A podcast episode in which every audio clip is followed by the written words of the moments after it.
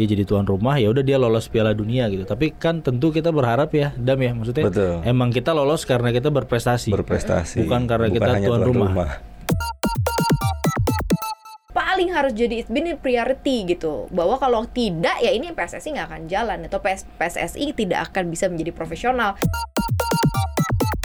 Ini kan orangnya deket Pak Jokowi. Ya. Sementara eh, semua yang berhubungan dengan Jokowi mungkin ya di 2024 tuh sudah akan terputus gitu Betul. kan. Akan ada Betul. rezim baru lagi gitu. Hmm. Koneksi Konten Ekonomi Seksi Hai Sobat Cuan, selamat datang di podcast Cuap Cuap Cuan Apa kabar Sobat Cuan? Semoga selalu dalam kondisi yang sehat dan bahagia Karena hari ini Rabu, seperti biasa kita ketemu dalam koneksi konten Ekonomi. Seksi. Bareng Maria Katarina, bareng Muhammad Iqbal di sini, editornya CNBC Indonesia, kemudian ada Adam Isa, produser CNBC Indonesia TV. Apa kabar? Baik, baik. Ada Mas- baik, baik. Ada Mas Iqbal pasti udah ketahuan lah kita mau ngomong apa kan kita ngebahasin apa. Kalau misalnya kita punya series ada series bola Series isinya Mas Iqbal semua ya. Sama Pak Adam lah. Oh iya, Udah cocok, aja saya udah cocok. formasinya. Bener, udah paling cocok. Tapi ini sesuai dengan cocokologi kita waktu itu ya. Ketika Ya, kita ya, pernah ya, ya, bahas ya, ya. Eh, calon-calon ketua umum PSSI nama-namanya kita udah belajar ini satu-satu keunggulannya apa Betul. dan ternyata bener secara eh, dugaan kita waktu itu bahwa voters ya yang tidak melibatkan masyarakat tidak melibatkan anda sobat cuan ya memilih 60 pers- eh, 60 suara itu ke Pak Erick Thohir Thohir. Betul. 22 suaranya ke Pak eh, Lanyala Mataliti ya. Oke, berarti kan jelas nih Iya, bahwa iya. memang semua menuju ke Erick Thohir. Tapi kalau kita boleh membayangkan nih Mas eh, Iqbal di balik dari keputusan voters memilih Pak Erick sebenarnya ada ada misi apa sih atau ada harapan apa sih? Kenapa kok yang dipilih seorang Erick Thohir? Kalau boleh kita Iya. melihat dari eh, pertimbangannya voters. Kalau menurut saya sih dari sisi pemerintah ya, ini sebenarnya kan ketika Pak Erik itu dicalonkan oleh voters dan akhirnya dan bahkan Pak Menpora juga dicalonkan, itu kan artinya memang ada keinginan dari presiden ya untuk mereformasi sepak bola gitu. Dan selama ini memang isunya kan selalu terbentur dengan statuta FIFA, statuta PSSI, di mana pemerintah tidak boleh mengintervensi organisasi. Itu di mana negara mana pun sama. Ketika ada yang coba intervensi, langsung sanksi FIFA turun, tidak boleh tampil di kompetisi internasional dan segala macam. Cuman dalam konteks ini memang terlihat sekali pemerintah tidak mau kecolongan lagi. Jadi ketika ada momen tragedi Kanjuruhan yang sempat kita bahas juga dan ada momen KLB ini, ini yang benar-benar dipakai oleh pemerintah untuk tanda kutip memasukkan orang-orang yang memang orang-orangnya presiden lah. Dalam hal ini Pak Erik dan Pak Amali juga selaku Menpora. Makanya ketika itu kita sudah yakin bahwa ya ini sih sudah pasti akan menang gitu. Cuma memang dalam perjalanan kalau yang saya lihat memang voters juga mungkin melihat rekam jejak Pak Erik ya sebagai orang yang berpengalaman dan juga punya jejaring internasional. Ini yang menurut saya sih yang paling krusial gitu dibandingkan mungkin ya Pak Lanyala juga pernah punya pengalaman Iya, iya, memimpin, iya, iya. tapi dalam hal ini Pak Erik tentu dari sisi mana pun Mhm. dengan posisi sebagai Menteri BUMN ini kan bisa dibilang bisa jadi semacam ya keamanan lah dalam Mhm. artian ke depan dari sisi finansial liga dan segala macam itu mungkin bisa berjalan lebih baik gitu loh. Jadi Oke. saya sih nggak kaget ketika akhirnya Pak Erik yang kepilih sih. Dan terpilihnya Pak Erik membuat Pak Amali mundur loh jadi Menpora. Lebih memilih untuk fokus kepada PSSI ya. Dia nggak mau mundur jadi Menteri BUMN Pak. Erik. Tapi kalau yang lo lihat seperti apa sih? Apakah memang karena sosoknya yang kemudian dipercaya banyak orang voters dan cukup akrab juga di dunia persepak bolaan ya bahkan internasional. Betul. Apa sih kemudian yang mengu- mengunggulkan si Erick Thohir ini kalau dari kacamata lo Mas Adam? Mungkin dari calon yang ada ya, Ya. Yang kelihatan dan sepertinya memang menjanjikan, cukup menjanjikan memang hanya Pak Erik ya. Ya. Kalau Pak Lanyala kan sudah pernah memimpin. Kita sudah tahu bagaimana kinerja sebelumnya gitu. Betul. Ya. Kalau Erik mungkin melihatnya kita bisa lihat dari kinerjanya dia selama ini di mungkin di Kementerian BUMN yang membawahi banyak perusahaan gitu kan. Betul. Kemudian juga kemampuannya dia sebagai pemilik sebelumnya ada Inter Milan, DC Iya. United Ya. gitu kan, klub-klub sepak bola internasional Hmm. gitu kan. Mhm. Itu bagi para voters mungkin itu daya tarik tersendiri. Iya. Kemudian daya tarik yang lainnya adalah eh, dengan kinerja yang baik ini eh, itu sepertinya menjanjikan revolusi sepak bola nasional Ya. gitu kan. Hmm. Itu yang kita lihat ke depan nanti apakah ini sepak bola Indonesia bisa jadi sepak bola yang benar-benar industri dan mendatangkan keuntungan yang besar. Mungkin di tangan Erick Thohir inilah eh, harapan itu ada gitu kan. Banyak yang harus diperbaiki gitu kan. Kalau nggak salah waktu dia baru pertama terpilih itu kan di dalam speechnya ya yang akan mau dia benahi terlebih dahulu adalah masalah match fixing kalau nggak salah itu Mhm. match fixing eh, pengaturan pertandingan itu ada mafia-mafia di dalamnya Mhm. kemudian baru nanti eh, permasalahan eh, apa namanya turnamen dan eh, pembibitan-pembibitan gitu. Itu kan jangka panjang Iya, ya. Iya, mungkin dia akan membuat semacam blueprint Roadmap, ya. Dia iya. dia bilang kan gitu Iya. dia akan membuat blueprint. Iya, iya, Blueprint. Dia juga ma- masukin ad hoc juga untuk supporter kan, pendukung. Betul. itu juga Infrastruktur. jadi infrastruktur. itu juga jadi concern. Kan kita juga pernah bahas ini juga nih soal Iya, sepak iya, bola dan iya. tragedi di Kanjuruhan. Ke- ke mana eh, lukanya semacam apa yang harus jadi eh, refleksi Iya, sebenarnya untuk eh, PSSI dan juga sepak bola Indonesia sebenarnya. Dan langsung match juga ke beberapa eh, apa namanya eh, lembaga internasionalnya khusus PSS eh, khusus eh, sepak bola gitu Iya, ya iya. langsung ke arah sana gitu. Kalau dilihat dari terobosannya cukup langsung menjawab kebutuhan sepak bola Indonesia secara keseluruhan nggak sih Mas Iqbal? Kalau kita lihat dari sejak beliau dilantik ya sebagai ketua umum beserta dua wakil ketua umum dan 12 exco memang langsung gercep lah bahasanya satset ET kalau hashtagnya itu kan di media sosial dia kan satset ET. Jadi memang waktu itu langsung rapat dan akhirnya ada keputusan soal komite supporter bahkan karena ada kerusuhan ya sempat di Semarang. Kemudian dilanjutkan komite infrastruktur. Ini fokusnya di training center. Memang ini memang menyedihkan sih kita nggak punya training center. Nah ini rencananya kan dibangun di IKN makanya presiden hari ini ke IKN juga untuk mengecek itu lahannya seperti apa dan kemudian ya mafia bola itu langsung dengan Kapolri. Jadi itu dan itu terjadi di akhir pekan. Kemudian Senin langsung menghadap presiden gitu. Jadi eh, dan presiden kan memberikan target adalah blueprint ya blueprint itu yang masih kita tunggu lah nanti hasilnya seperti apa.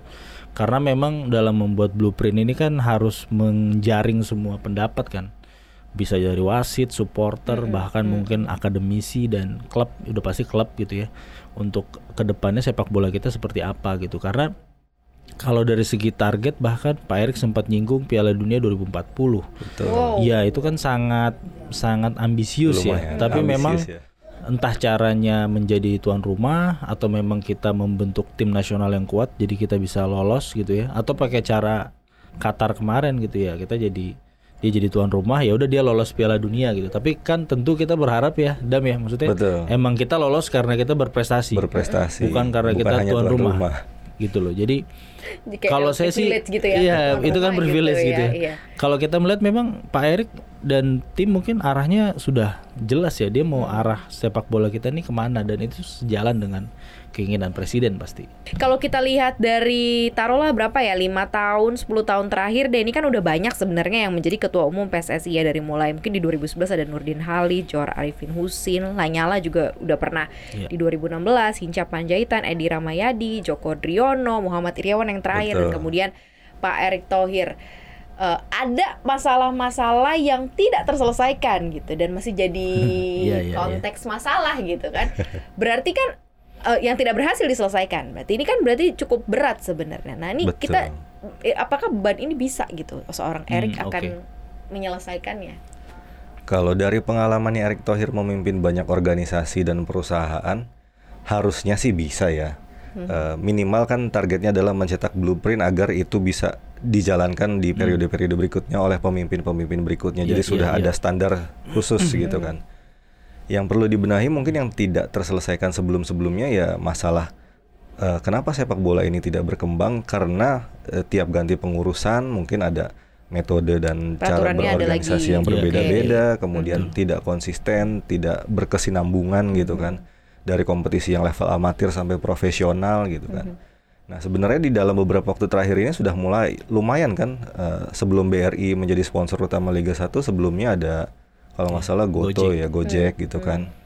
Nah itu udah lumayan banyak ada uh, sponsor besar yang mau masuk. Kemudian saat ini juga banyak uh, sultan-sultan yang jadi pemilik sepak bola. Andara, Sultan Iya. mana Iya, gitu ya. itu. Nah, eh, jaringannya Erick Thohir ini eh, mungkin eh, kapabilitasnya dia sebagai seorang eh, pemimpin perusahaan, kemudian juga relasinya dia ke mana-mana gitu kan, eh, itu apa namanya? Yang akan membuat lebih mudah membuat PSSI lebih profesional Hmm, oke. seperti itu. Dia kan akan membentuk aturan Susah baru, misalnya, Lumayan ya berat. kan? Mhm. akan ada standar-standar tertentu gitu Iya, iya, iya. yang dibuat gitu. Itu yang membuat PSSI lebih profesional, eh, jenjang kompetisi jenjang kompetisi yang lebih bagus gitu kan. Kemudian sponsor yang masuk juga mungkin akan lebih banyak sebagai posisinya sebagai menteri BUMN kan Iya, itu iya. bisa dimanfaatkan. BRI kan salah satu perusahaan BUMN gitu kan. Mungkin nanti ada perusahaan-perusahaan lain yang mau menjadi sponsor utama atau mungkin sponsor sponsor sponsor tim gitu kan Iya, untuk iya. masuk ke eh, Liga Indonesia. Mhm. Itu mungkin PR yang bisa diselesaikan dalam jangka waktu yang pendek ya. eh, pendek empat tahun Mm-mm. eh, masa awalnya dia misalnya terus menciptakan blueprint dan semua sistem kompetisi dan yang ada itu mungkin bikin ininya dulu ya pondasinya kuat kalau pondasinya udah kuat nanti pemimpin berikutnya akan lebih gampang gitu Iya, kan. iya. Eh, terus kemudian pembinaan usia dini itu kalau dibilang targetnya 2040 itu kan masih sekitar berapa tahun? 20 hampir 20. 17 ya? Iya, 20-an. 17 tahun 17 ya. tahun. 17 20 tahun. 17 tahun berarti kan sudah harus ada minimal satu atau dua generasi ke depan ya. Iya, itu kan iya. mencari dua generasi itu tidak mudah juga gitu kan dan Mm-mm. tidak mungkin masih Erick Thohir pemimpinnya gitu. Betul. itu makanya tugasnya dia adalah membuat pondasi yang bagus untuk menyelesaikan masalah-masalah yang Iya. sebelumnya tidak terselesaikan. Sama satu lagi yang paling penting mungkin adalah masalah supporter ya, Mas Iqbal ya. Ini juga jadi concernnya dia di Iya, awal Hari, juga. karena- di hari Mention. pelantikannya. Karena di Udah kerusuhan. kompetisi yang sudah terbilang cukup profesional, lancar, banyak yang nonton gitu kan. Tapi profesional eh, apa? Tapi penontonnya masih belum profesional, belum dewasa Iya, gitu iya. kan. Berat. Nah, kemarin masalah di Semarang udah jelas tidak boleh ada penonton kalau nggak Iya, salah iya. lihat. Terus mereka datang ke stadion gitu kan. Iya, iya. Itu kan berarti ada masalah dari penontonnya sendiri budayanya. Mhm.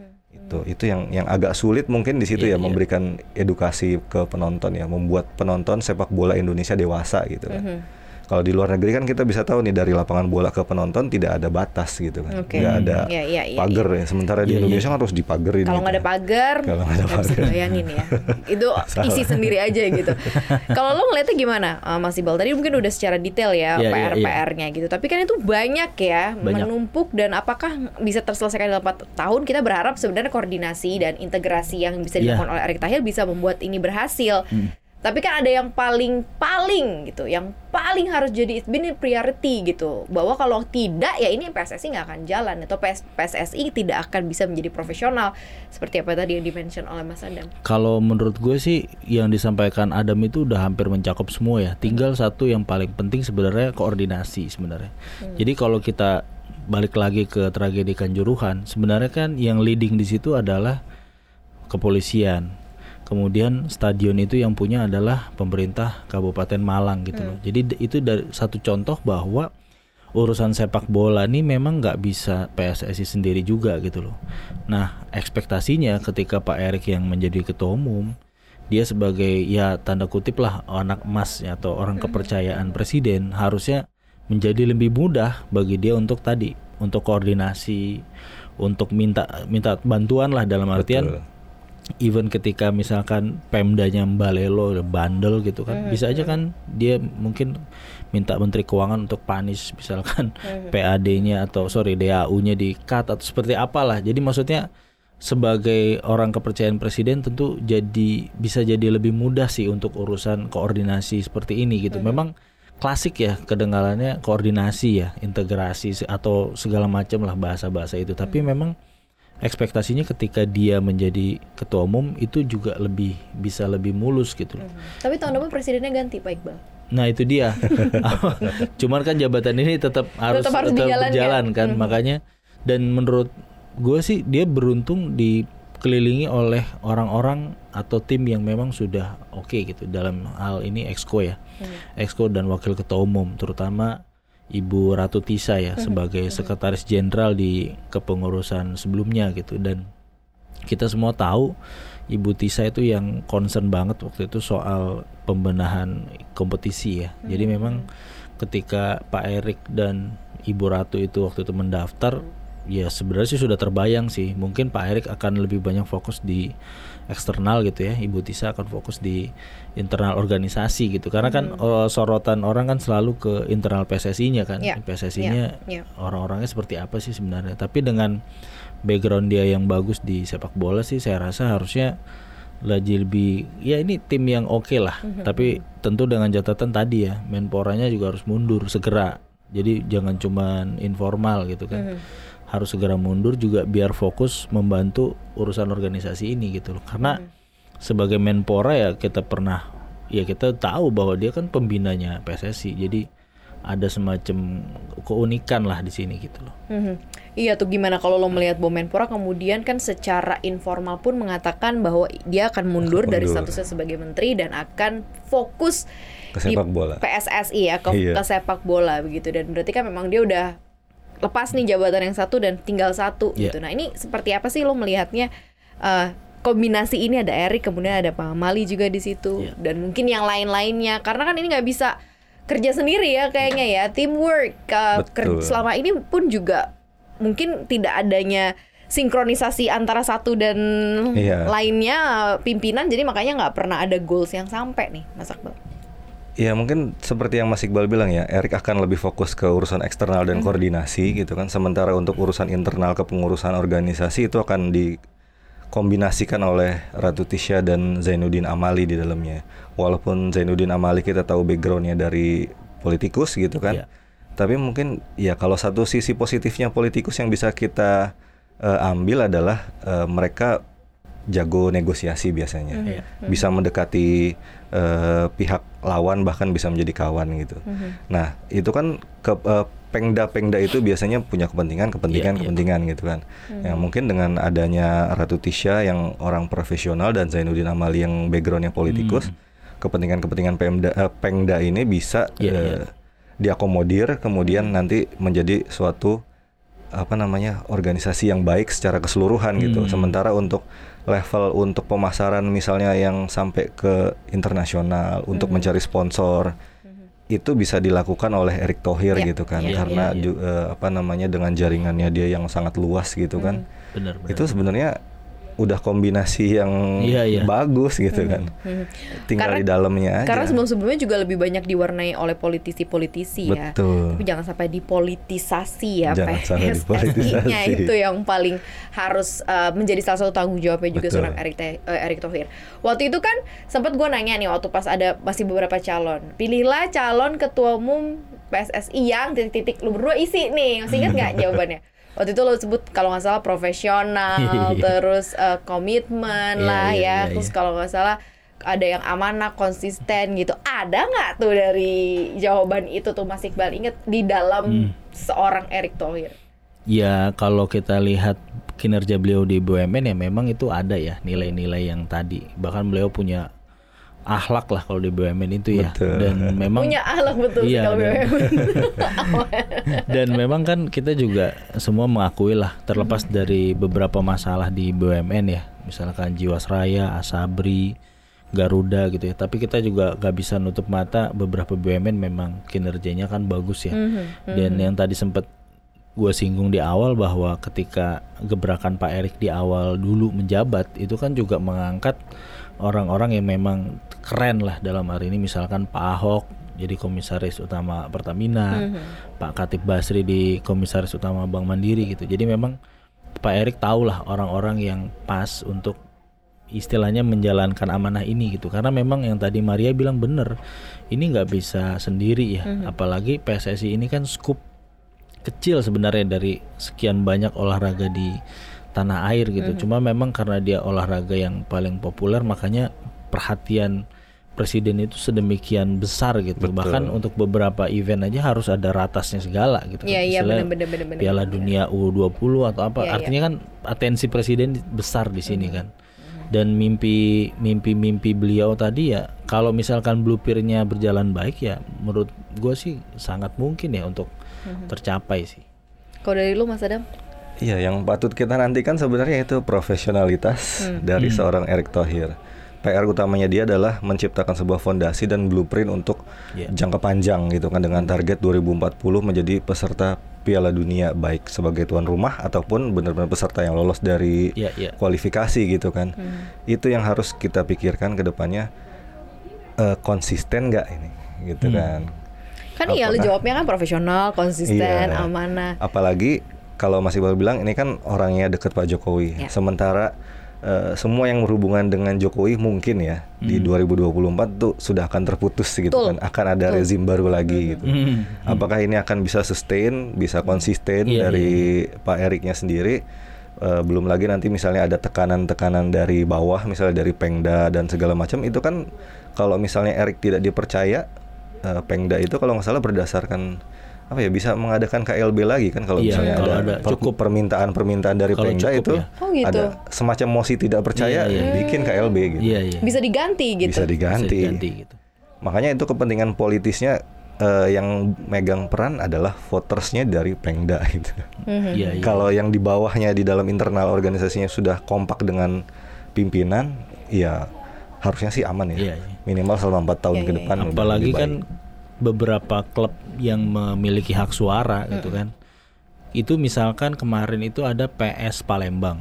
PS Palembang itu kan berarti Persatuan Sepak Bola Palembang, artinya dimiliki oleh pemerintah kota gitu. Ternyata CEO-nya itu adalah sekretaris daerah, artinya birokrat daerah juga gitu. Betul. Jadi kan sebenarnya ya ini ketika pemerintah menghendaki apa ya tentu pemerintah daerah pasti harus support dong. Misalkan Iya betul. kalau dia nggak support ya tadi misalkan ini udah blueprint sampai 2000 kecuali PR-nya saya banyak. iya kecuali misalkan CEO klub itu beda lagi ya berarti ya kalau di atas beda kan di bawah juga pasti beda lagi, Beda kan. lagi. sejauh ini sih masih kelihatannya sih masih selaras sih untuk terus sampai 2040 tadi ya Amin. Harapannya sih kayak gitu ya. Ayo dong sepak bola Indonesia kompak dong gitu ya. Karena kita pengen tahu dan pengen punya profesi lain gitu ya kayak di luar negeri. Siapa tahu nanti anak-anak kita Iya. cucu bisa jadi pemain sepak bola dan itu bisa diandalkan jadi Iya. profesi jadi profesi gitu kayak di luar negeri kan harapannya kan kayak gitu. Tapi ya karena ini baru di awal kita nggak mau kritik Pak Erik ya. Kami persilakan Pak Erik untuk menjalankan tugas Pak Erik ya. Nanti kita tinggal lihat aja sejauh mana ekspektasi voters dan nanti juga akan dinilai secara lebih luas sama masyarakat luas nih Betul. masyarakat Indonesia. Betul, betul. Apakah menjawab juga kebutuhan dari masyarakat untuk melihat PSSI ke depannya dan kebutuhan juga kesejahteraan dari PSSI sebagai lingkup kecilnya ya karena banyak ada atletnya, kemudian ada banyak lah begitu ya yang Ya, mengharapkan uh, PSSI juga maju ke depannya. Thank you banget Sobat Cuan. Komen dong kira-kira nih PSSI nanti ke depan harus seperti apa? Komen ya di uh, Instagram kita. Tapi jangan lupa untuk dengerin konten podcast kita lainnya di mana aja Mas Adam? Iya, jangan lupa simak kontennya cuap-cuap cuan di Spotify, Google Podcast, eh, Apple Podcast dan juga Anchor. Mantap, follow akun Instagram kita di cuap underscore cuan Subscribe YouTube channel kita juga di cuap cuap cuan Ya like, share, dan juga komen ya Sobat Cuan Thank you banget udah dengerin hari ini hari Rabu yang selalu menggebu-gebu. Terima kasih Sobat Cuan, Maria Katarina pamit. Iqbal pamit. Yes, Adam pamit. bye Sobat Cuan. Nah. bye